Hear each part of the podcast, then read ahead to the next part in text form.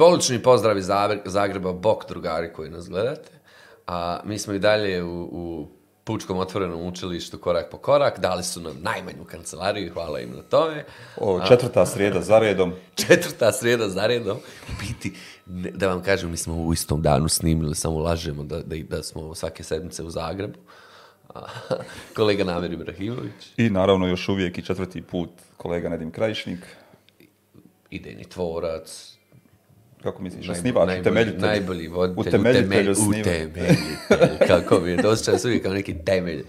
Um, sjajne sagovornike imam u Zagrebu, jako smo zahvalni uh, na tome. A uh, ovaj put naša druga sagovornica, eto i gender smo danas. Pola, pola. Danas upravni odbor ne optuži ovaj, kako nismo ovaj, gender osviješten. Uh, Dora Kršul je naša gošća. Dobar dan bolje vam došli. Hvala na pozivu. Baš ste me obradovali ovaj, pozivom. Evo, jedan radni dan koji privodim kraju s vama. Promjenu. Hvala puno, znamo da je, da je radno tokom dana, kad smo dogovarali ovdje da je bogao samo ovaj neki termin, 19 srijeda, naravno, ovaj, tako da hvala još jednom za, za, gostovanje. Ne, ne, ne, hvala vama. Ne, ne, ne, ne, ne, Ono što je specifično što razgovarali smo danas i prethodnih dana, dakle, iz različitih uglova. Danas smo duše najviše se bavili povješću u obrazovanju, jer smo bili gosti takvi, ali evo sad razgovaramo sa novinarkom. Mhm. I mislim, jedno rijetkih novinarki, generalno, novinara, a u svom opisu, dakle, specijalizirana za školstvo, za obrazovanje, da se time bavi. Je li to sreća da je to novinarski posao, između ostalog? Pa meni je i ne bi, ne to radila da ne mislim da je, mhm. da je sreća i da mene to ne ispunjava. Mhm. E, nekako kad sam završavala faks, e, čak nisam ni mislila e, pred negdje na trećoj još godini nisam mislila da ću otići u novinarstvo, nego... Mm-hmm. A šta je sa godinom i pom prava? Otkud to znaš? E, pa to je bio fail, e, ali dosta poučan fail. E, ja sam, I to, to, je, to je recimo vezano i za ovo dalje poslije što, što sam zapravo i pratila u obrazovanju. Ja sam na, upisala gimnaziju nakon osnovne škole i tamo negdje u trećem razredu su, sjećam da su već e, moji prijatelji iz razreda počeli ono vrlo jasno artikulirati što će nakon srednje i tako. Ja sam ono sjedila u tom razredu i mislim, pa ne znam ja šta ću. Znam otprilike da sam ono društvenog nekog mhm. usmjerenja, da nisam fizika, matematika i to. Ali nisam pojma imala i ono na kraju četvrtog razreda ja i dalje ne znam što ću i odjednom ono pola razreda govori da će na pravo. I ništa, onda sam ja otišla. Tako će pola razreda. Nisam pojma imala stvarno. I ovaj, tako sam završila na pravu i godinu i pol tamo odgulila. Odgulila.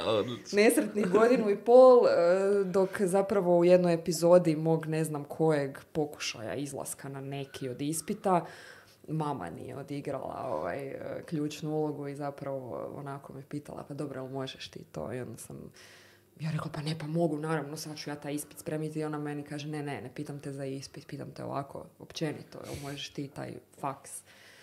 I onda sam ju ovako pogledala i rekla, ne mogu. E, i onda sam promijenila faks, završila na političkim znanostima na, na smjeru novinarstva. Da što potpuno zanimljivije, interesantnije. Tako je, s time da sam ja dvije godine prije kad sam upisivala e, mhm. pravo, ja sam otišla na prijemni i na političke znanosti mhm. kao rezervu. Opala sam na pravo, pa sam mhm. otišla jel, na fancy ovaj, faks. I eto, dvije godine poslije sam na kraju završila na svojoj rezervi i, um, i tamo sam se baš pronašla. Ali nisam mislila da ću, ta, kažem, do treće, negdje četvrte godine sam bila uvjerena da ću završiti u nekom digitalnom marketingu, mm PR-u ili tako nešto. I onda me, ovaj, eh, i onda sam zapravo za, jedan, za jedne eh, fakultetske zapravo novine počela njima raditi društvene mreže. mm I kako sam s njima puno vremena provodila i gledala kako se te novine slažu, prelamaju i to, da pa manje krenula i priča oko nekog pokušaja reforme u, mhm. Hrvatskoj, reforme obrazovanja. Mhm. Eh, to je 13. To je 14. 14. na 15 i e, dobili smo u Zagrebu novog rektora, tu je bilo nekih kontroverzi oko čovjeka i tako i sve me to nešto počelo zanimati i stvarno je strelovito se desilo da sam ja zaboravila na ovo sve što sam mhm. možda nekad htjela i eto me završila u ovome i od tad se ne dam. I tako da meni to je sreća ja zaista e, radim posao, odnosno bavim se resorom za koji mislim da je apsolutno najvažniji u bilo kojem društvu u koje stremi biti razvijeno. To samo vi mislite. A da. naša pokojna šefica je znala govoriti, dobro, kad idete na put, ušli vi u autobus, tako je pričajte priču. E, ajde se mi vratimo na vaše iskustva iz ove osnovne škole. Iz osnovne. Iz srednje škole, je, jer to je vrlo relevantno sad za ovu kontekstu o kojem ćemo um, pričati. To je bilo ugodno iskustvo. Šta, osnovna ili srednja? da, evo slažem se, osnovna. Osnovna mi je bila super jer sam bila 5-0. Mm, Ono, preplivala sam osnovnu ko plitak potok. Mhm. Mislim, svi smo bili, malte ne, ne svi, ali ja mislim 90% razreda smo bili 5-0. To je mm. sad fenomen s kojim se vrlo ozbiljno bavim u svom poslu. Više nije tako zabavan. da, ali e, meni je recimo bio zanimljiv taj e, e, prelazak iz osnovne u srednju, gdje sam kao izvrsna 5.0 učenica došla u jednu od tad, ono, jačih gimnazija u Zagrebu. E, u drugu gimnaziju sam se upisala i tako tresnula u prvih ono mjesec dana škole, znači ono inicijalni testovi, matematika jedan, e, sve ono, neki totalni pomor se desio mm. ovaj, kod mene i ja sam u prvom polugodištu prvog razreda srednje, baš ono, sjećam se da mi je to bilo vrlo psihički zahtjevno razdoblje jer sam mislila da ništa ne valjam, da ništa ne vrijedim, da ja ništa ne znam, ko sam ja, šta sam ja to u osnovnoj školi učila kad ovdje ne znam ništa. Mhm. I, um, I opet nekako naporima što prijatelja, roditelja i tako dalje, ostala sam ja u toj školi i shvatila da da treba ozbiljno zapeti da je ovo u osnovnoj školi zapravo bila ja ne znam, ne znam što, mislim, kažem, sada se time bavim i vidim.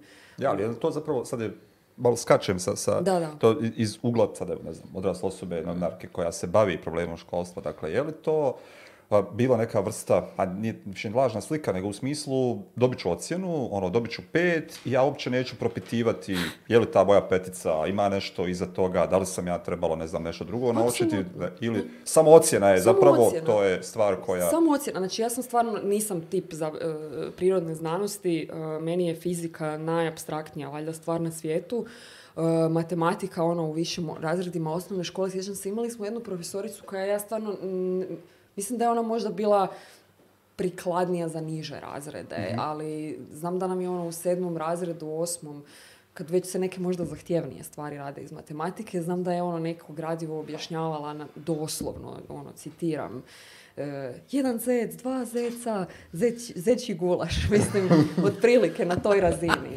E, a ja matematiku nisam baš ono, razvaljivala i meni je samo bilo ok, dobro, ništa, nabubat ćemo to koliko se da. E, i, I onda skužiš u jednom trenu da s tim pristupom dobivaš dobre ocjene, zapravo petice, ako to sve tak nekak si... profesionalni učenik. Da, tačno proračunati šta treba, kome treba, da, točno. u kojem trenutku I to ti radi i zapravo onda x godina poslije skužiš koju ti to štetu radi mhm. i koliko te, koliki ono udarac doživiš u trenutku kad shvatiš da, je, da, da, da to sve zapravo bilo ono fake. Ja, a s druge strane, ovaj kleš koji se dogodi sa promjenom nivoa obrazovanja. Pa da. Ono, kao da je potpuno deseti obrazovni sistem. Potpuno. Za nekoliko mjeseci koji se ono promijeni. Potpuno. A zapravo je trebao biti prirodan nastavak. Da, ja se sjećam, mi smo, ja kad sam došla u srednju školu, ja sam si mislila ono, maltene su ono nekim E, stavom nadmoći. Mislim, ja sam došla iz škole, imam sve 5.0 došla sam u elitnu zagrebačku gimnaziju, niko mi ne može ništa i onda u prvi tjedan dana te pošamara, ovaj, zapravo gdje shvatiš da, da to nije ni približno tako, tako da mm, taj dio pamtim kao jedan, kao prvi kleš, ono neki koji mhm. mi se desio, a drugi je taj kraj srednje škole i to opet sam osvijestila možda u nekoj retrospektivi e, gdje si toliko tijekom te gimnazije raštrkan na koliko, 15-16 predmeta, E, sve moraš e, znati, moraš u svakom trenutku... Svakom je njegov predmet najbitniji na svijetu. E, svakom je njegov predmet najbitniji i u svakom trenutku, u svakom tjednu moraš biti spreman da će te otvoriti. To, to, to je bio stres, ono, enorman. a ne može niko biti spreman za sve predmete u svakom trenutku. Ja sam bio. Dobro, ne ti Jer ja nisi bio na, nije bio na vjerovatno. Da, mislim, ja bi uvijek, ne znam, ja sam bila dobra u hrvatskom, recimo, jeziku i to mhm. mi je pogotovo ovaj dio, ne znam, gramatike i, i tog dijela i u srednju, ajde, ono, književnost i tako. I to mi nije bio sad ne znam kakav stres, ali gle, stari moj na fizici, matematici, bio, imali smo iz biologije, ono, užasno strogu profesoricu. To, ono, streseš. da. I, i, I onda nekako, kažem, opet u toj retrospektivi nije realno da ti svaki tjedan si spreman za 15, 16, koliko predmeta, da svime barataš jednako i, ono, bilo bi mi puno lakše da mi je neko dao priliku da sam mogla... Organizirati učenje. Ne samo to, nego da sam u višim razredima mogla birati recimo mhm. pakete, mhm. E, odnosno module onih predmeta koji me više, u mhm. kojem smjeru zapravo dalje idem. Mislite da bi bilo drugačiji rezultati? Pa ja mislim da bi. Ne rezultati, nego da bi moj nekako, put dalje bio e, jasniji u smislu, možda mi se ne bi desio ovaj fail sa fakultetom, e, sa upisom. Izborom. Da. mislim da bi se, to je bila recimo jedna od ideja e, reforme ovoga kurikularne u Hrvatskoj, da se u gimnazijsko obrazovanje dakle uvede to ta izbornost zapravo u višim razredima srednje škole gdje bi djeca sukladno svojim preferencijama nekako se usmjerila još malo u tom, e, e, u tom smjeru i da bi svakako to klincima ono nekako malo e, približilo, mhm. razjasnilo možda neke njihove dvojbe i tako. To je ono što je mene tada u to doba onako mučilo. Ja sam sjedila, kažem, u tom razredu i mislila sam si, dobro, šta da ja radim? Kuću mhm. ja, očekuje se od mene. Očekivanje je da idem na faks ali na koji faks? Mm, šta je to što mene zanima? Meni je bila strašno zanimljiva sociologija, e, e, politika i gospodarstvo, to mi je bilo ekstra zanimljivo. Filozofija mi je bila užasno komplicirana. ali mislim da bi me takav neki pristup možda bolje usmjerio. Ne mm. znam. Pa tu sad to interesovanje za, za cjelovitu kurikularnu reformu zapravo krenulo? Nešto što je pa škola mogla da bude pa da, znaš šta, ja se sjećam kad, je, kad, kad sam radeći društvene mreže za ove novine na faksu, eh, skužila da se tu nešto dešava i onda sam krenula čitat šta je to. Znači tu neki ljudi rade neku reformu, nešto i onda sam krenula čitat šta, šta se tu zbiva, šta oni hoće, šta će oni promijeniti, ne. I onda kad sam vidjela taj dio da eh, bi oni htjeli da u gimnazijskom obrazovanju klinci imaju u višim razredima izbornost, e, pre, sukladno nekim preferencijama i to mi je, to mi je zaokupilo ono pažnju tu sam shvatila čak idemo vidjeti još šta, se tu, mhm. šta, šta oni tu dalje hoće. I da, ono, zapravo je motivacija u tome ok, znači postoji mogućnost da će neki novi klinci imati puno bolje, ono, mhm. adekvatnije obrazovanje. Smislenije obrazovanje. da. I, i, i doslovno iz, iz tog nekog e, dijela krenula neka moja motivacija za ovim poslom, odnosno usmjerenjem u, ovaj resor u, novinarstvu, plus nekakav smisao za, to jest osjećaj za nepravdu, a to je mhm. sad ovaj dio koji se tiče visokog obrazovanja. Uživam. Doćemo mi do tog visokog. Prije toga srednja HR, je li tako? Srednja HR pa to je prvo. Bilo je nešto prije srednji HR, pa vas je neko pozvao na srednji HR. Ma radila sam um, u tim uh, novinama. Nemojte mi priskakati, ovo jako mi važno ova hronologija. pa to je ovaj dio, znači radim, radim na, e, na faksu društvene mreže za, e, za fakultetske novine Global i shvatim da me zanima zapravo novinarski posao i, i u jednom trenu sam im rekla čujte ljudi ja bi, ja bi tu nešto i pisala i interesira me baš ono obrazovanje i tako i onda sam jedno vrijeme e, uređivala čak u tim novinama e, e, intervjue i vodila ih i, i, nabavljala nam sugovornike, odnosno komentatore, jer smo imali rubriku komentara. I i onda sam počela ozbiljnije pisati kako se dešavala, kažem, e, cijela priča, oko, to je početak sad već 2016. Mhm. E, e, početak objavljivanje. Početak raspada ili početak pada. Ja, ja. objava Kurikularno. Jeste, Da. Znači, kreće ono biti jasno sa promjenom vlasti u Hrvatskoj dolazi e, Orešković, Orešković Karamarko vlada i jasno je da mislim, ljudima je u smjernicama koje su imali u Saboru pisalo zaustaviti kurikularnu reformu i jasno je da će se tu nešto e, zbivati. E, dešavaju se prvi zapravo sukobi na sveučilištu protiv, na sveučilištu u Zagrebu protiv rektora zapravo mhm. tada novog rektora Borasa i ja tu počinjem zapravo pratiti za mhm. te novine to što se zbiva i na tim nekima od tih događanja, konkretno baš na Filozofskom fakultetu na plenumu mhm. eh, koji je filozofski. Tako je, na plenumu koji je organiziran zapravo kontra inicijative rektora Borasa i tadašnjeg dekana filozofskog da se uđe u nekakvu suradnju sa katoličkim bogoslovnim fakultetom. Ovaj, tu se počinjem susretati sa Eh, ekipom eh, sa srednje HR, a zanimljivo je zapravo da ja tu ekipu znam, zašto? Zato jer smo s isto kvarta u Zagrebu. Mhm. Eh, sravnica, to je kvart ispod Maksimirskog stadiona. Mhm. Čisto da bude gledateljima Hvala mnogo. jasnije. Ovaj, I ja glavnog urednika srednje HR osnivača, Marka Matijevića, znam zapravo iz osnovne škole. Mhm. Išli smo skupa mhm. u, u, našu osnovnu školu Antona Gustava Matoša. On je jednu godinu ovaj, od mene bio stariji.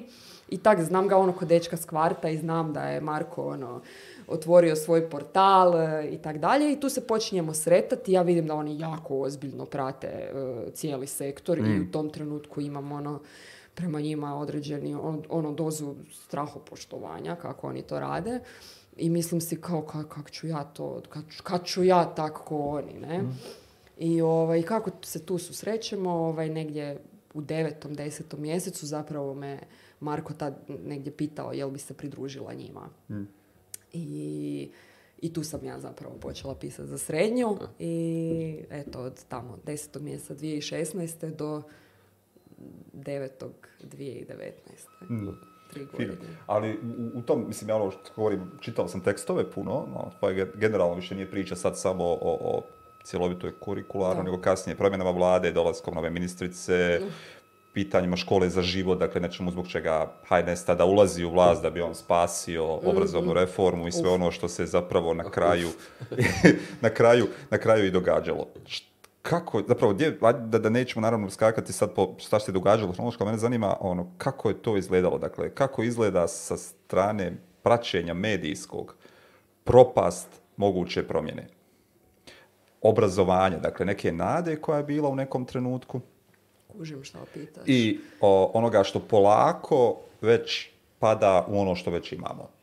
Mislim, kako to izgleda, ja, e, možda će ovo sad zvučati kao neprofesionalno od mene, e, s obzirom da sam ja kao novinarka koja mhm. mora imati neki odmak od toga, ali sad sam vam objasnila neku svoju mhm. motivaciju za bavljanje ovim poslom i ovim mhm. resorom i meni to u tom trenutku izgleda i ja to tako osjećam strašno. E, ja se sjećam prosvjeda 2016. 1.6. u Zagrebu na trgu, mislim to je stvarno bio ono događaj koji e, je bio onako, ljudima su, šta ja znam, bila puna srca, cijeli trg je bio pun jer je neko htio bolje obrazovanje e, za svoju djecu. Potpuno. Filmski potpuno. I to ne samo u Zagrebu. I to dakle, ne samo u Zagrebu, da. a opet ti je bio feeling neki da, ok, mi sad tu prosjedujemo i to je sve super i ljudi su izašli na cestu zbog obrazovanja, ali kao realno nećemo ništa postići i ono, imaš neki miks osjećaja e, kao sretan si jer postoji jako puno ljudi koji briju na isto to, ali zapravo si ono u komi jer kužiš da to sve ide k vragu. Da je dovoljno, da. Da, i mislim baš da sam, ne znam, nekako me to e, to bih poistovjetila, ono, s tim bi povukla paralelu, dva su mi se takva događaja u karijeri ono, mhm. desila koja, u kojima nisam imala tu objektivnu, odnosno nekakvu novinarsku distancu. Da. Mhm. Prva je bila ta gdje ovo sve znači, odlazi uh, k vragu. Mm, a drugo je kada 2018. E, e, rektor Zagrebačkog sveučilišta potvrđuje zapravo svoj drugi mandat. Mhm. Znači to su bile dvije dva trenutka u kojima nisam mogla reći da onak e, imam svoju distancu od toga i da sam skroz ok. Baš mi to pogodilo. Da, ali mislim da iz druge strane nije ni obrazo. ono, da taj tipa novinarske ono, objektivnosti uvijek u svakom trenutku pohvalan. Dakle, u nekom trenutku mi moramo reagovati. Pa ne, pa nije... Ono, ja. nije, ja mislim da novinari, često se govori o toj kao novinarskoj objektivnosti. Mm. Mislim, pa ni, znaš ono, nisu novinari e, neka Eh, abstraktna bića eh, izdvojena od svih emocija. Da, znači imaš neki, neke svoje ono, neka polazišta eh, stavove i naravno da... Vrijednosti, porive koji tjeraju. Tako je, i nisi ono imun na, na, na, to što se zbiva. Ja mislim da samo trebaš biti pošten u tome mm, što radiš i pošten u tome naravno, kako naravno, ono to poziciju koju, iz koje se posmatra stvar. onako vrlo jasno. Da. Ja u biti ne vidim tu ništa. Mm ništa pogrešno. Dubinski, zašto reforma nije uspjela? To morate... Zašto reforma? Evo ono koliko vi znate i koliko ste vi pratili. Pa čak na nivou sumnje. Pa ja mislim da ovako, iz, iz, možda dvije nekakve, iz dva nekakva smjera, silnice koje su utjecale na to da ona nije uspjela. E, prvo zbog nedovoljne podrške, političke, mhm. ja bih to tako rekla. E, i, i, tu mislim čak na podršku, e, dakle, vlasti u tom trenutku za vrijeme koje je krenula kao mhm. reforma, to je znači Milanović, Milanović SDP, Um, I tu postoje nebrojeni ono, zapisi i priče zapravo ljudi koji su radili u reformi da uh, Milanovićeva vlada zapravo jako dugo e, nije ozbiljno shvaćala e, tu priču i tamo negdje je zapravo u fotofinišu njihovog mandata odjednom oni zapravo daju puš cijeloj toj priči. Jel?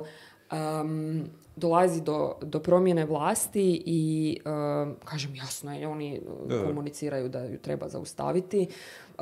postavljaju neke ljude koji koji imaju baš otvoreno... Evo čisto iz, možda zbog ljudi, izvinjavam mhm. se, koji nas gledaju. Zašto je zaustavljaju? Šta je meritum toga što, što, što je ponukalo da zaustavljaju reformu? Hmm. Ja, mislim da je, da je poanta bila u, u sve se svelo na ideologiju. Mhm. Sve se svelo na to da, ne znam, ne mogu klinci u lektiri e, imati Johnija Štulića jer on ne znam što. E, ne može se, e, znači to, su bili toliki spinovi oko te lektire. Da, da, Judita da se Judita, da, tako je. Judita se izbacuje iz lektire. Zapravo je bila priča o tome da se Judita, da, da se klincima omogući da ne čitaju sami Juditu koja je užasno zahtjevna i teška, nego da se to prolazi na nastavi, oko povijesti, kurikuluma povijesti, to su bile, ja, ja, znam, ja mislim da su ljudi koji su radili na kurikulumu povijesti eh, i dan danas istraumatizirani od tog razdoblja. Da, od... nam je Snježana Koren danas, tako da smo e, pričali, spominjali e, e, Snježana Koren, recimo. Eh, mislim da su ti ljudi zaista ono istraumatizirani i danas mhm. od napada koje su doživljavali što od ekstremne desnice, e, generalskog zbora e, Republike Hrvatske, e, dakle ono biraj. Mm. I, I mislim da je zapravo tu na pitanju reforme nastupio ono jedan ne znam, e, ideološki sukob oko prevlasti nad obrazovanjem. Kako ćemo e, e, usmjeriti hrvatski jezik, kako ćemo usmjeriti znači, ono, uh, diskurs o povijesti. jedan drugi sukob se vodio, ja mislim, i na ovom dijelu oko oko, oko stema, gdje je bila priča, recimo, to je ovo što sam govorila oko izbornosti u gimnaziji gdje znam da je bilo prigovora od strane stemovaca kao, očekaj malo, ali ako mi damo klincima da izaberu ovaj paket... Neće niko stem. E, e ali što je potpuno pogrešno, jer mi imamo podatke zapravo sa državne mature koje, e, koje izborne predmete djeca biraju u mhm. najvećem broju i tu je uvijek fizika ono, e, među top predmetima. Tako da taj argument jednostavno ne stoji tako da ono, desio se ono clash. Uh, ja, i Hazu zapravo u velikoj mjeri napada. Da, ono- je tih aktera i sad me podsjećaš da ono, ja, ja ih na prvo ono- Obnavljaš ono, traume. Ne mogu ni dozvat, da. Ali mislim da je samo se desio taj ono splet okolnosti u kojem mm, na vlast u tom trenutku dolazi ono nešto što nam nikome nije bilo poznato, neki eksperiment ono vlade. Ja, e, ja se sjećam te sjednice Sabora kada se trebala imenovati ta vlada i to je, mahom je bila rasprava o kurikulumu. uh Dakle, to je dominantno tema, je ono, imenuje se vlada, Međutim, on to se oteglo jer je zapravo velika rasprava bila o kurikulumu. Da. Što znači da ideološko obrazovanje je tako to je, ono, jako... Da. Ono doslovno, sam, zapravo i gledao sam sjednicu ne zbog vlade, nego zato što su bile te priče, ono, sukoba oko toga, da postavljali novi zastupnici, HDZ-a Mosta koji su ušli, tu su postavljali ono pitanja, šta će s tim biti ovome šustačini, mi se tada bio. I, a s druge strane su kao ovi iz SDP-a, ova Sabina, Sabina najviše branila, jeste taj dio, i to je doslovno, to trajalo. Da. sam dokasno gledao ovako rasprava o... o, o... Da, ja, ja, sam, ja, ja čak mislim da sam ono dobrim dijelom neke od tih stvari potisnula. Znači, ja znam da je bilo ono stvari koje su stvarno bile ono mi govorimo, dakle to je 2016. Govorimo o vremenu prije nego što je Trump postao predsjednik Amerike, e, odnosno SAD-a. Mi smo već u ovoj priči, oko, sad zapravo dok, dok razmišljamo o tome, imali e, situacije u kojima je ta ekipa koja je kontrirala kurikularnoj mhm. reformi kakvu e, su je osmislili ljudi na čelu sa Borisom. oni su stvarno baratali e, sa činjenicama koje su prilagođavali svom diskursu. I to je stvarno bilo, hmm. ja se sjećam, ono, jako teško debunkat. Yes, e, mislim, to i danas naučili smo da je to ono e, jako teško, ali sjećam se da je to bilo ono kako ćeš, znači ovaj dođe, ne znam, neko na televiziju i spali ono neku glupost koja veze nema sa uh, ičim utemeljenim u mhm. realnosti, ali, tebi, ali jako je teško, na što ode u eter. Ne, gotovo. I ajde sad ti to, ok, ja, ja sjećam, mi smo na srednjoj, stvarno još u kasnijim godinama sa školom za život i tako dalje, imali strpljenja razlagati to sve i, i, i govoriti ovo nije točno, ovo nije to. Ono, malte ne smo se igrali fact checkera, mislim, mm. ok. Ali baš se sjećam da je to ono bilo vrijeme u kojem e, čudno je sve skupa bilo. Recimo, ja sam tada otišla na jedan okrugli stol kao kurikularnoj reformi sa Nikolom Baketom, on vam je isto ovaj, mhm, bio u gostima. Mi išli smo na Capitol. Eh, i eh, na, Zagrebačka nadbiskupija je, ja mhm. mislim, organizirala okrugli stol kao kurikularnoj reformi. I to je bilo... ja se sjećam da smo se nas dvoje ono, eh, trkali, gurkali nogama i pitali se da li mi pričamo o istoj stvari. Ovaj, mhm. i, i, kažem, to su ti momenti u kojima, eto, meni nije bilo jasno zašto ljudi, onaj neki djetinji dio mene koji nije bio možda zadovoljan sa svojim, u cijelosti, svojim obrazovanjem, se pitao kao, ali dajte ljudi pustite da e. neki klinci imaju u bolju školu. Mm. Da, ali kako su mi zamislili. To je jedna struja, ova političko, ovo snažno, ovo mhm. presnažno, strahobalno. A druga struja, ovo izgovorili ste u jednom intervju, kapac, a, mi nemamo kapaciteta za reformu. Jeste, sma, jeste, jeste tu promišljali o, o, o, ljudima koji rade samu reformu, o resursima, o nastavnicima, o školama koje su spremne za takvu reformu? Ja mislim da, ne znam u kojem sam trenutku to ovaj, e, rekla, e, da nemamo kapaciteta. Ja mislim da e, kapaciteta možda nismo imali kasnije. Eh, u priči kada je ta... Aha, škola za život i da, to. Mhm, da. Mislim, eh, čak, ne znam, kažem, trebala bi vidjeti ono širi kontekst u kojem sam ovo rekla, ali... kasnije, kada zapravo je jasno da cjelovite reforme neće biti mhm. i kada su samo dijelovi mhm. iz nje iščupani i predstavljeni kao to je reforma i to ćemo nazvati škola za život, u, tom trenutku čak, čak nije stvar u kapacitetima. Ono, ja mislim da se to što je sa školom za život ugurano kao u škole, da je to manji dio posla zapravo, jer su iščupani dijelovi koji se vrlo jednostavno i, mislim, jednostavno, puno mm. lakše nego cijela priča mogu napraviti i to za potrebe jednog ministarskog mandata. Mm. To je ono, gora stvar od svega pri nije bilo čak i političkog rezultata za one koji su to gurali. Ni to, mislim, to, to je ono naj... Tu ono dođe neka i satisfakcija možda, ovaj... kad nije bilo političkog rezultata. Jedno je ova cjelovita kurikularna reforma, ali se ove, ovaj, čini mi se, dva puta ili tri puta spomenula drugu osobu, zapravo to što se imenovanjem rektora Borasa za mjesto rektora sveučilišta. E, kako ide taj razvoj praćenja rada sveučilišta u Zagrebu za vrijeme rektorovanja Borasu? E, to je moja tema. Dajte me tu. Uh, e, e, ali to je, ono, ljudi stvarno misle kao da ja imam neku osobnu agendu protiv tog čovjeka ili nešto, stvarno... Ovaj... Možda i on to pa misli. potvrdili u pripremi da, da, ovaj, da, uvaženi misli da imate pa da, ja... Da je vaš nastup novinarski ad homine, a ne novinarski. Pa on, ne znam, to, to ovaj... Eh, ja bih voljela da, da, on, da s njim možete isto tako mhm. sjesti i popričati. Nemamo vremena, iz, izvinjavamo se. Ali... Eh, Vraćamo se za Sarajevo. Ja, ovako, ja... Moj neki interes za, za to što se događa na sveučilištu u Zagrebu, kažem, ovo što sam rekla, negdje se poklapa s ovim oko CKR-a i um, ja u tom trenutku treba reći 2016. i ja sam još studentica. Da, da, to sam I studiram na, na političkim znanostima i, i shvaćam da neki moji kolege, studenti na filozofskom fakultetu imaju stalno nekih problema organiziraju neke ono skupove, plenume, bore se protiv svoje uprave, protiv svojih dekana. Ja veze nema, mislim, ja znam ko je moj dekan na faksu, ali ništa, nema, nema u tom trenutku potrebe da se konfrontiram nešto s dekanom. Onda shvaćam da um, su oni zapravo u zavadi sa e, e, svojim dekanom i sa rektorom i, i počinjem se upućivati u tu priču.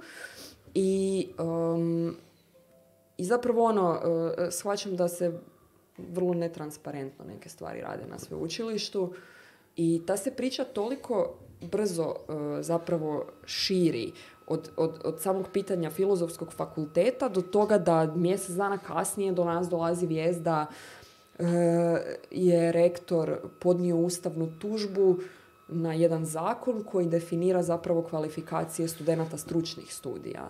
Hmm. I, i čime zapravo traži da se njih u neku ruku degradira u odnosu na studente sveučilišnih studija. znači, binarni je ono, sustav obrazovanja visokog u Hrvatskoj.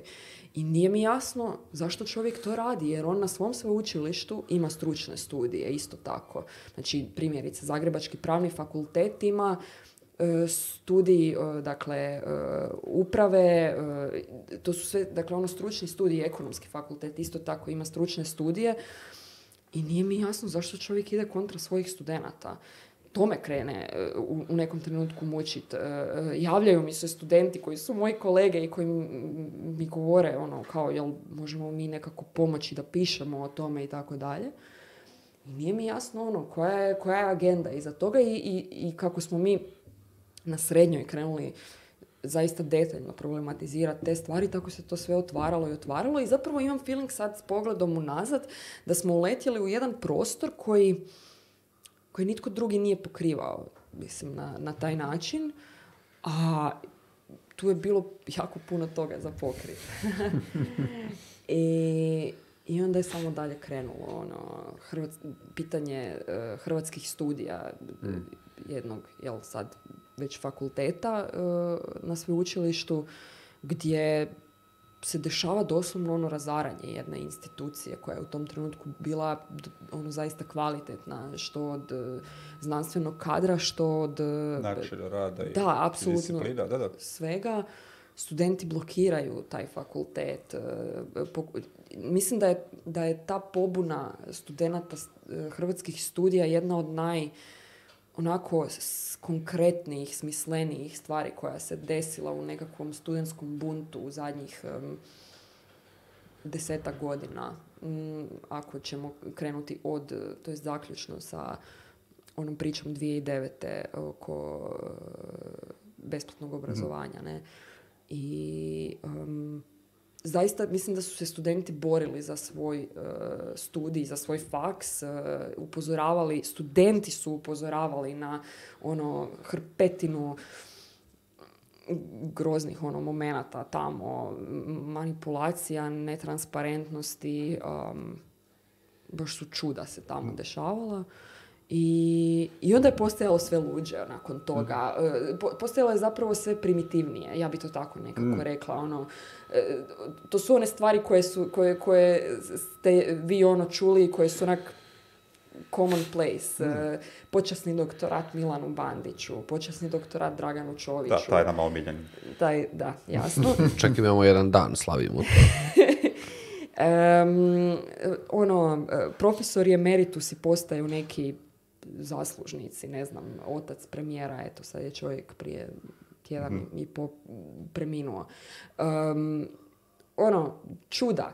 E, na Senatu nema nekakve e, pretjerane rasprave e, na mjestu gdje bi rasprave prvo trebalo biti. Mislim, imamo situaciju da je prije dvije godine, što je meni potpuno ono nevjerojatno zbog pandemije, cijeli Senat se zapravo krenula održavati online, ali ne online na početku da si na skype pa, ili na Zoomu pa svi međusobno mm-hmm. to, nego eh, otvara se sjednica senata tako da, ne znam, rektor pošalje dnevni red uh, svim članovima senata, tablicu sa e, točkama i onda po svakoj točci svako mora ono glasat.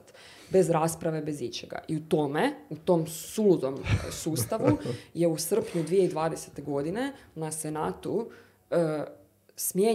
jedna, smijenjena dekanica filozofskog fakulteta bez jedne riječi ili rečenice rasprave Znači, samo izglasano dopisno mailom da se ženu miče s čela e, fakulteta.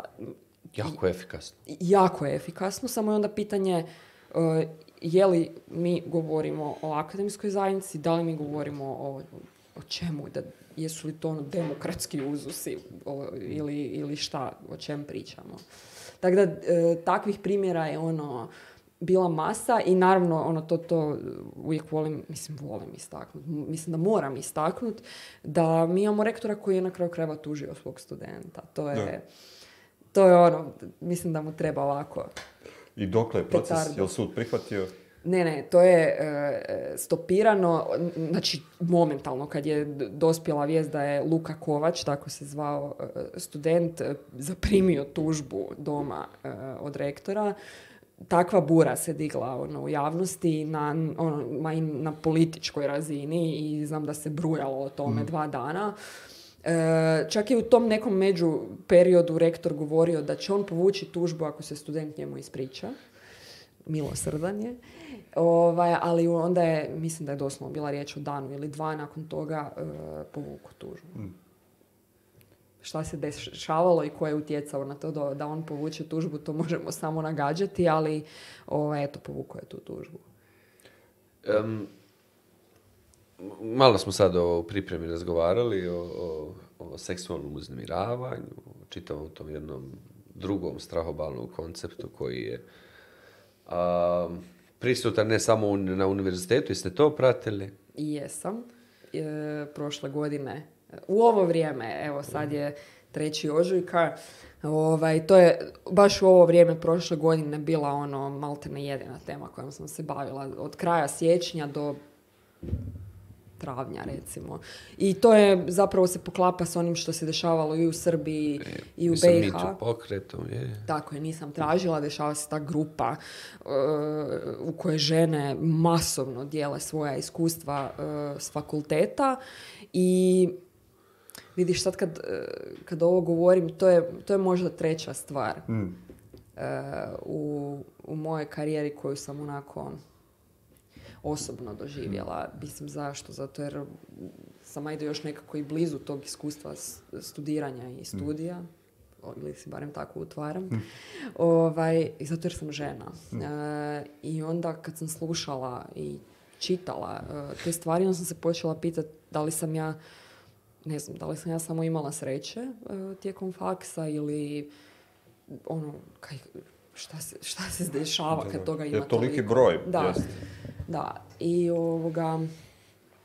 I tu, to, to me baš onako, ovaj, mislim, ja sam e, imala priču e, o, o jednom profesoru koji je koji je rektor Boras ovoga, na vlastitu inicijativu nagradio, odnosno proglasio emeritusom, znajući za najmanje jednu prijavu protiv njega mm. e, za seksualno uznemiravanje. I ja sam dakle imala i dokumente i, i objavila ih koji dokazuju da je rektor vidio i imao, da pa će tražio izjavu bivše studentice u kojoj ona optužuje tog profesora vrlo eksplicitno za e, stvari koje joj je radio to je došlo do rektora i on je bez obzira na to ovaj, nastavio s procedurom, nije upoznao senat sveučilišta s time da postoji ta izjava. On tvrdi da je postupak ispitivanja toga svega proveo sam i zaključio da je sve u redu. I to tako što je samo kontaktirao tog profesora, pitao Ova podrekao, ne? Jesi li ka, nisam, sve okay. E, mislim da je to otprilike Sorry, bilo što sam te i, um, I ništa, mi smo to objavili i to je bio ono naj... Um, to je baš zveknulo prošle godine u krajem siječnja i, i onda su se počele javljati djevojke koje su uh, u modusu operandi tog mm. profesora prepoznale o kome se radi i počele su nam se javljati um, da su i one imale zapravo takva iskustva, s njim. Mm. I tu su zapravo e, bili moji ovaj, e, razgovori s njima preko, preko telefona i to me, onako fino e, zatuklo. I sve što sam zapravo dalje na, oko te teme radila, radila sam ono smišlju o tim ženama koje su prošle to što su prošle i gdje sam zapravo ono shvatila da cijela ta priča oko tog profesora e, mislim datira i, i do 20 godina unazad jer se javila e, i jedna žena iz Srbije e, koja je s njim imala jednu situaciju prije 21 godinu ja mislim hm. na jednoj ljetnoj školi. Tako da smo mi zapravo kroz žene koje su nam se javljale uspjeli složiti mozaik koliko dugo je čovjek e, operirao. I uz sve ovo što sam ja sad e, ispričala o, tome, do dana današnjeg se ništa nije dogodilo. Šta je to? Znači nisu ni pravosudni organi pokrenuli nešto tako, je? Ništa. A da li postoje, sad jeste istraživali mehanizmi na univerzitetu, jer znam da je u Sarajevu bila sad velika rasprava oko toga, ok, a, moraju se uspostaviti mehanizmi, mora postojati način da se, da se mi suočimo s ovim, nešto od toga lažno, pretpostavljam, nešto od toga u tom na Sarajevskom univerzitetu, rektoratu sjede ovaj, i naše, naše prijateljice, kolegice koje, koje su uznemirene a, sa tim. Uspostavio se neki, neki vid mehanizma to Ja kao student, neko ko, ko obitava u, takvim institucijama i dalje mi je, mi je teško povjerovati da ćemo ikad napraviti mehanizam koji, koji radi iz nekoliko razloga. to zajedništvo sa druge strane je iznenađujuće. Mhm. I taj koncept u, kojem ne smijem ni da ulazim, ni hoću da ulazim, nemam pravo da, da, da, da ulazim, a to je ova sad potpuno idiotska pitanja zašto nije neko da, prijavio i tako dalje. Znači, ne, ne zašto baš sada, Zašto baš sad, potpuno idiotska, idiotska pitanja, ali postoji jedna klima i kultura u kojem to u mojoj glavi izgleda gotovo nerešivo. Dakle, šta se dešavalo od tog trenutka na, na, na univerzitetu u Zagrebu?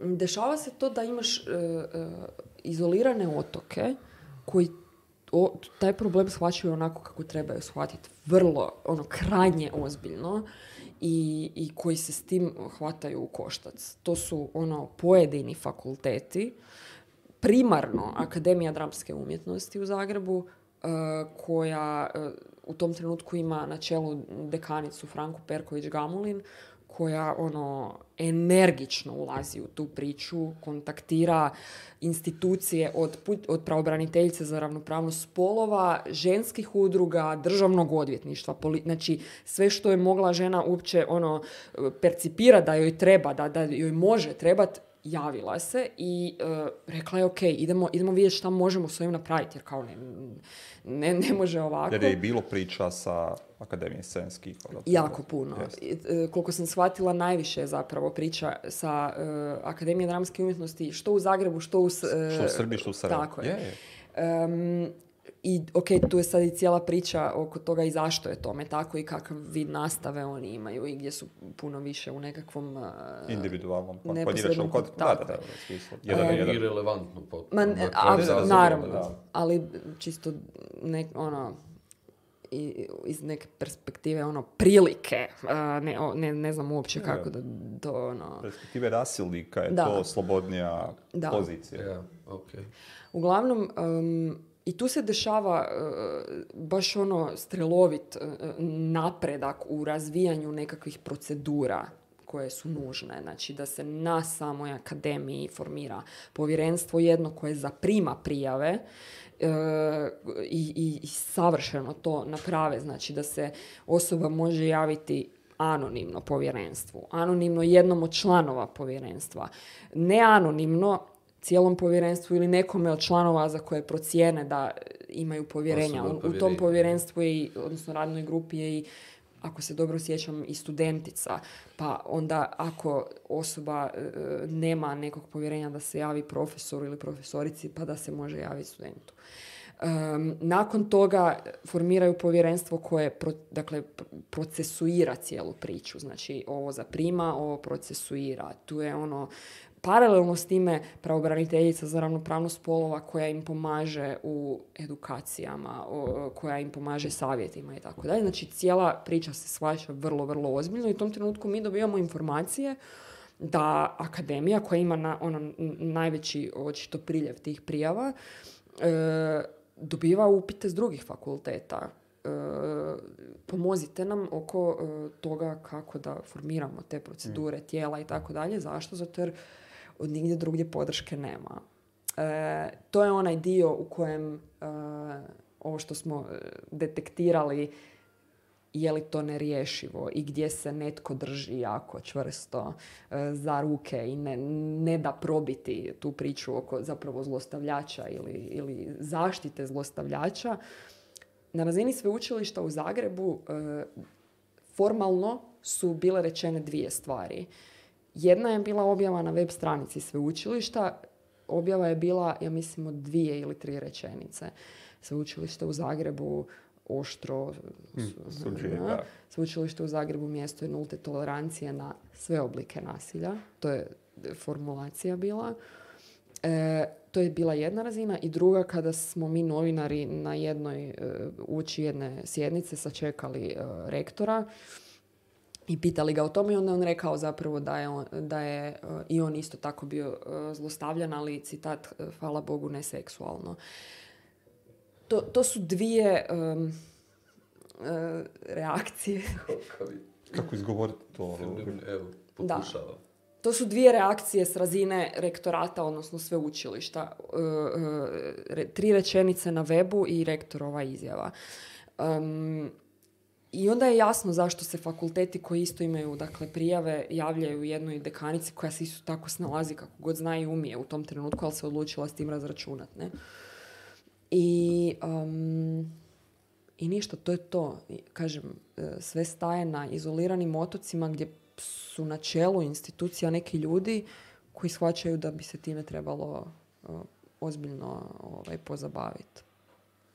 I da, ono što si rekao, Eh, ekipa koja se drži i koja ipak je to nečiji kolega, možda je to i moj kolega, pa neću ga ja, ne znam sad. Eh, ma da.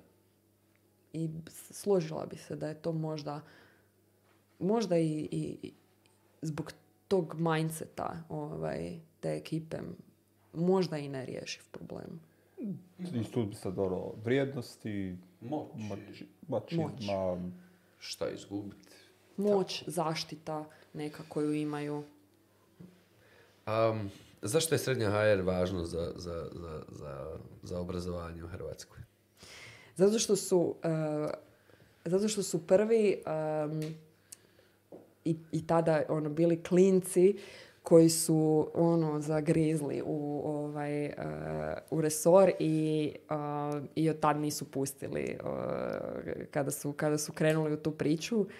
Um, zato jer ja, ja ne poznajem nikog od kolega u, u obrazovanju koji, koji prate obrazovanje novinarski koji znaju toliko o, o ovom sektoru ko oni.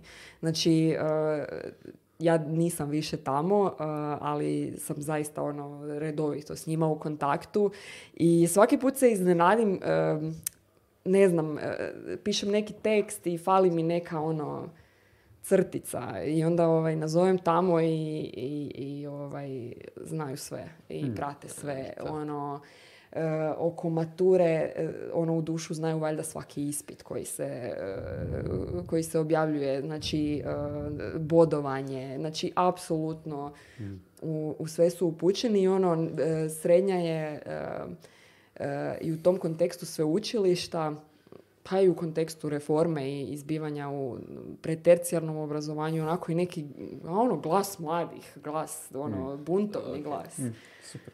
E.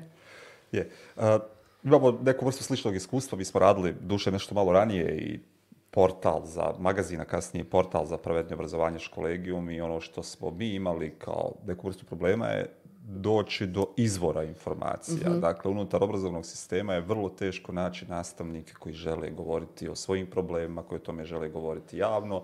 Uh, ista je situacija kada hoćete s učenicima, starijim da razgovarate o tome, roditeljima. Dakle, unutar obrazovnog sistema je zaista veliki problem da se o tome govori. Je. Yeah. Je li to i ovdje slučaj? Dakle, to ono, kako dolazi, mislim, u ovom resoru u koji vodiš, da, koji pratiš, kako doći do informacija uopće? Da? E, sad ću se poslužiti nečim što meni e, Marko Matijević, e, koji je osnivač i, jel, i glavni urednik srednje, ono, toliko puta mi je to rekao da ono, mislim da bi u, da me neko u tri ujutro probudi znala bi to izrecitirati, a to je da u Hrvatskoj nema sugovornika oko, oko obrazovanja. I onda postoje dvije, tri osobe za koje znaš da će ti uvijek nešto reći, i koje su ti ono važni i relevantni sugovornici u, u, u vezani za, za resor, a ovo sve ostalo ne, ne bi se šteli mešati, kako ovaj, to tu kaže. E, zašto je to tako? Ne znam. E, čak mislim da je situacija još puno gora u ovom dijelu, um, barem kod nas, visokog obrazovanja. Znači tu dobit nekog da nešto kaže službeno je gotovo nemoguće, a pa i za neslužbeno, onako ovdje rekord se isto treba pomučiti. mislim, mi imamo situaciju što se tiče ovog dijela e, dakle, e, školstva, odnosno prosvjete, e, da ono, ti uvijek znaš da, da ti da, da, da, ti, da za ta pitanja ono možeš zvati Jokića jer će se javiti, jer će ti objasniti ekipu e, e, sa njegovog instituta koji ono pokrivaju ono teme i, i mladih i tako dalje, da su tu, da, da, da ono, će ti objasniti. Mislim, meni trebaju ljudi da mi na kraju krajeva iz, iz znanstvene ono, perspektive mm. objasne stvari koje se dešavaju, što u e, nekom onom vremenskom pregledu sa državnom maturom, što od toga što se dešava s mladima u Hrvatskoj u zadnjih 15-20 godina ja ne mogu, mislim, mogu krenuti sama pješke, e, hmm. ne znam kuda, ali naravno da mi trebaju ljudi koji će mi pomoći. Tako da, zašto je tome tako, ne znam, evo. Mm, ali onda je jako zanimljivo da, da, svi znaju sve kad je recimo ovaj, pitanje, ne znam, e, reforme, ili tako nekih stvari e, u sustavu. I još jedna bitna stvar koju smo ono, radeći u medijima, kad smo tražili od nastavnika da pišu o bilo čemu problem. Dakle, da je zaista e, vrlo nizak nivo pismenosti, u smislu oblikovanja teksta, kreiranja rečenice. Dakle, sad ono to vraća dalje to kako ono, učenike uopće podučavaju. Da, ja tu imam jednu, mislim, e, e, ja imam jednu situaciju s nastavnicima u, Hrvatskoj, koja je ispala tako kako je ispala prije, e, znači u desetom mjesecu 2019. u Hrvatskoj je počeo štrajk. a, mhm. kojim su nastavnici tražili povećanje koeficijenta za plaće. I nastavnički sindikati su u tom trenutku baratali jednom brojkom e, koja je, za koju su tvrdili da je prosječna plaća nastavnika u Hrvatskoj. Ja sam tad već e, radila na, na Telegramu mm gdje sam i danas i bila nam je čudna ta brojka e, jer su oni tvrdili da je plaća prosječna nastavnika, ako se ne varam, 4300 kuna mi smo krenuli pješke, što kroz proračun, što kroz eh, traženje podataka od Ministarstva obrazovanja. Znači, ne znam što sve nismo okrenuli. Na kraju smo došli do podatka da je prosječna plaća nastavnika u Hrvatskoj prosječna 7100 kuna. I shvatili smo da je, da je ova ovih 4300 Svih uposlenika Tako je i nekako mi je naravno, ja sam tad friško otišla sa srednje na Telegram i, i vidjela sam da srednja piše e, zapravo isto. Znači da su i oni došli do, mhm. do istih ovaj, stvari. I i tu se desio um, jedan raskid vrlo bolan sa nastavnicima i nastavničkim sindikatima jer su oni uh, u, jeku tog štrajka tvrdili da mi uh, razbijamo štrajk, da lažemo, da um, obmanjujemo javnost oko nastavničkih e, prihoda. I da ste na vezi sa vladom. E, da, i ono što je bilo, ono što je mene, što me zaista onako pogodilo sa strane, znači ljudi koji svaki dan ulaze u razrede s djecom, oni su e, ponukani svojim sindikatima, nama zatrpavali mailove sa svojim platnim listama kako bi nam dokazali da prosječna plaća nije 7100 kuna jer njemu na platnoj ili njoj na platnoj listi piše manja, manji iznos na plaći. I meni nije bilo jasno zaista kako ljudima objasniti nastavnicima što je prosjek. I tu sam se jako, ovaj, e, mm. i tu je bilo, znači, e, ja sam tu imala i situaciju u kojoj je e, čelnica jednog sindikata ovaj, mene nazvala i rekla mi da si dobro razmislim sljedeći put kad ću pisati o sindikatu i štrajku što sam ja shvatila vrlo, mislim, pitala sam ju je li... To, to je bio prvi put da sam se na sugovornika na telefonu počela e, derati jer e, sam to shvatila kao neku što prijetnju. Šta, zašto bi ja trebala, šta bi trebala razmisliti? Ja pišem na temelju činjenica e, i onoga zapravo čime su i oni na kraju krajeva trebali baratati. Tako da tu, tu je došlo do jednog moga ovaj, um, raskola sa, nastavnicima. Um, ne svima. Ne svima, ne svima, ali onako, većinom jer su oni smatrali da Telegram i srednja HR mrze e, hmm. nastavnike. Pa dobro, kad god se dira u plaće nastavnika, neko ih mrzi. E, Telegram HR, jel ljudi doniraju da čitaju dalje? E, misliš za pretplatu? Tako. Da. Mislim, e, ja ne baratam naravno brojkama ovoga, naših pretplatnika, ali evo kolega koji je direktor naše pretplate, hoda nasmijan ovaj, po redakciji. E, to, to, je, to je važno. to je važno. Za autonomiju i samostalnost. Pa je. Hvala puno, Dora. Hvala vama na pozivu. Nećete nam pobjeći, imamo ovo, zahvaljujemo se, idemo sa najtežim pitanjem. Nikola je rekao da ne smijemo reći to zadnje pitanje. Evo, tako? nismo smjeli najaviti, nismo ga najavili. Njemu je bilo isto najteže.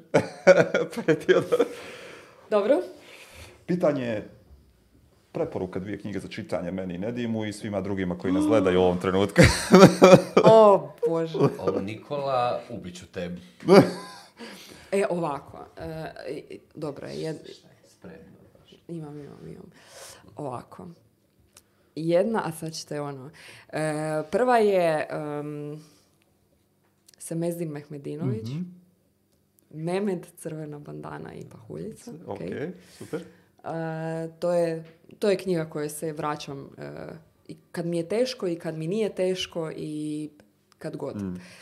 E, a druga e, je mislim to trenutno čitam i pred krajem sam i ono zaokupilo me Eh, je Obamina knjiga, mm-hmm. Obećana zemlja, mislim, eh, zaokupila me zato jer čitam o tome, ne znam eh, kako je čovjek raspravljao sa, nemam pojma, kojim svjetskim vođama, kako izgleda Bijela kuća i kako izgleda njegovih osam godina mhm. mandata u Bijeloj kući i kako je zapravo ono Eh, ostao gora okus s obzirom na to koga je naslijedio. Tako da eh, jako me zaokupio. Jel se osjeća odgovornim za to što je nakon njega izabran Trump? Mislim da, da i on sam postavlja sebi to pitanje. da. da ostaje da. onako negdje Evo, u zraku. Ja da. Pomolim družno. Da. Osjećaj se Da. hvala vam Doneba na vremenu, u danu, pa ovo poslije. Mm. Baš mi je bilo lijepo s vama. E, je, čako, nama također. Meni barem ne mogu, ne znam, ne ovo ime ne govorim. Imer ovo isto. ime je li udobno? Evo, pošto je ovo posljednja e, epizoda koju snimamo u Zagrebu, ja zaista moram da se zahvalim sad izvorno sponzori Venogel. Šalim se, naravno da ne, radije ćemo propasti. Ne možete vi, onaj, koliko namir ja možemo dići kredita da, da beseda opstane, tako da... Hvala Pučkom otvorenom učilištu na, na gostoprimstvu a, Ivi, Toni, Sunčani, ravnateljici Sanji, a, svima evo koga sam i zaboravio, hvala Institut za društvene istraživanja i kolegi Borisu Jokiću koji nam je pomogao za sagovornike i sagovornice. hvala Imeru Muracpajiću koji je, koji je ovo sve prenio. mnogo kilometara da bi donio u Zagreb. Da bi Sjedeći je naporno izdržao ova snimanja danas. Da imao, mogu krenuti u kameru, krenuo bi da ga vidite kako izgleda.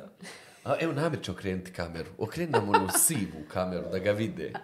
Dole ovako, tužnog. Nasmijanog. Jel se vidi? Evo sam ću sad se mi prebaciti. To, to, to, to. Hajde, čao. I hvala vama što ste, naravno, uporni u tome da, da, da gledate besjede podržavate ovu našu priču o suštini i obrazovanju i moram da se zahvalim a, koleg Namir Ibrahimović, on je moja a, inspiracija. Hvala Edimu Krajišniku, on je samo moj suvoditelj u emisiji Besede o obrazovanju, tako da do, do narednog gledanja, ne znam, vjerovatno ne iz Zagreba, vjerovatno iz studija. Doviđenja i hvala što nas pratite. Ćao drugari.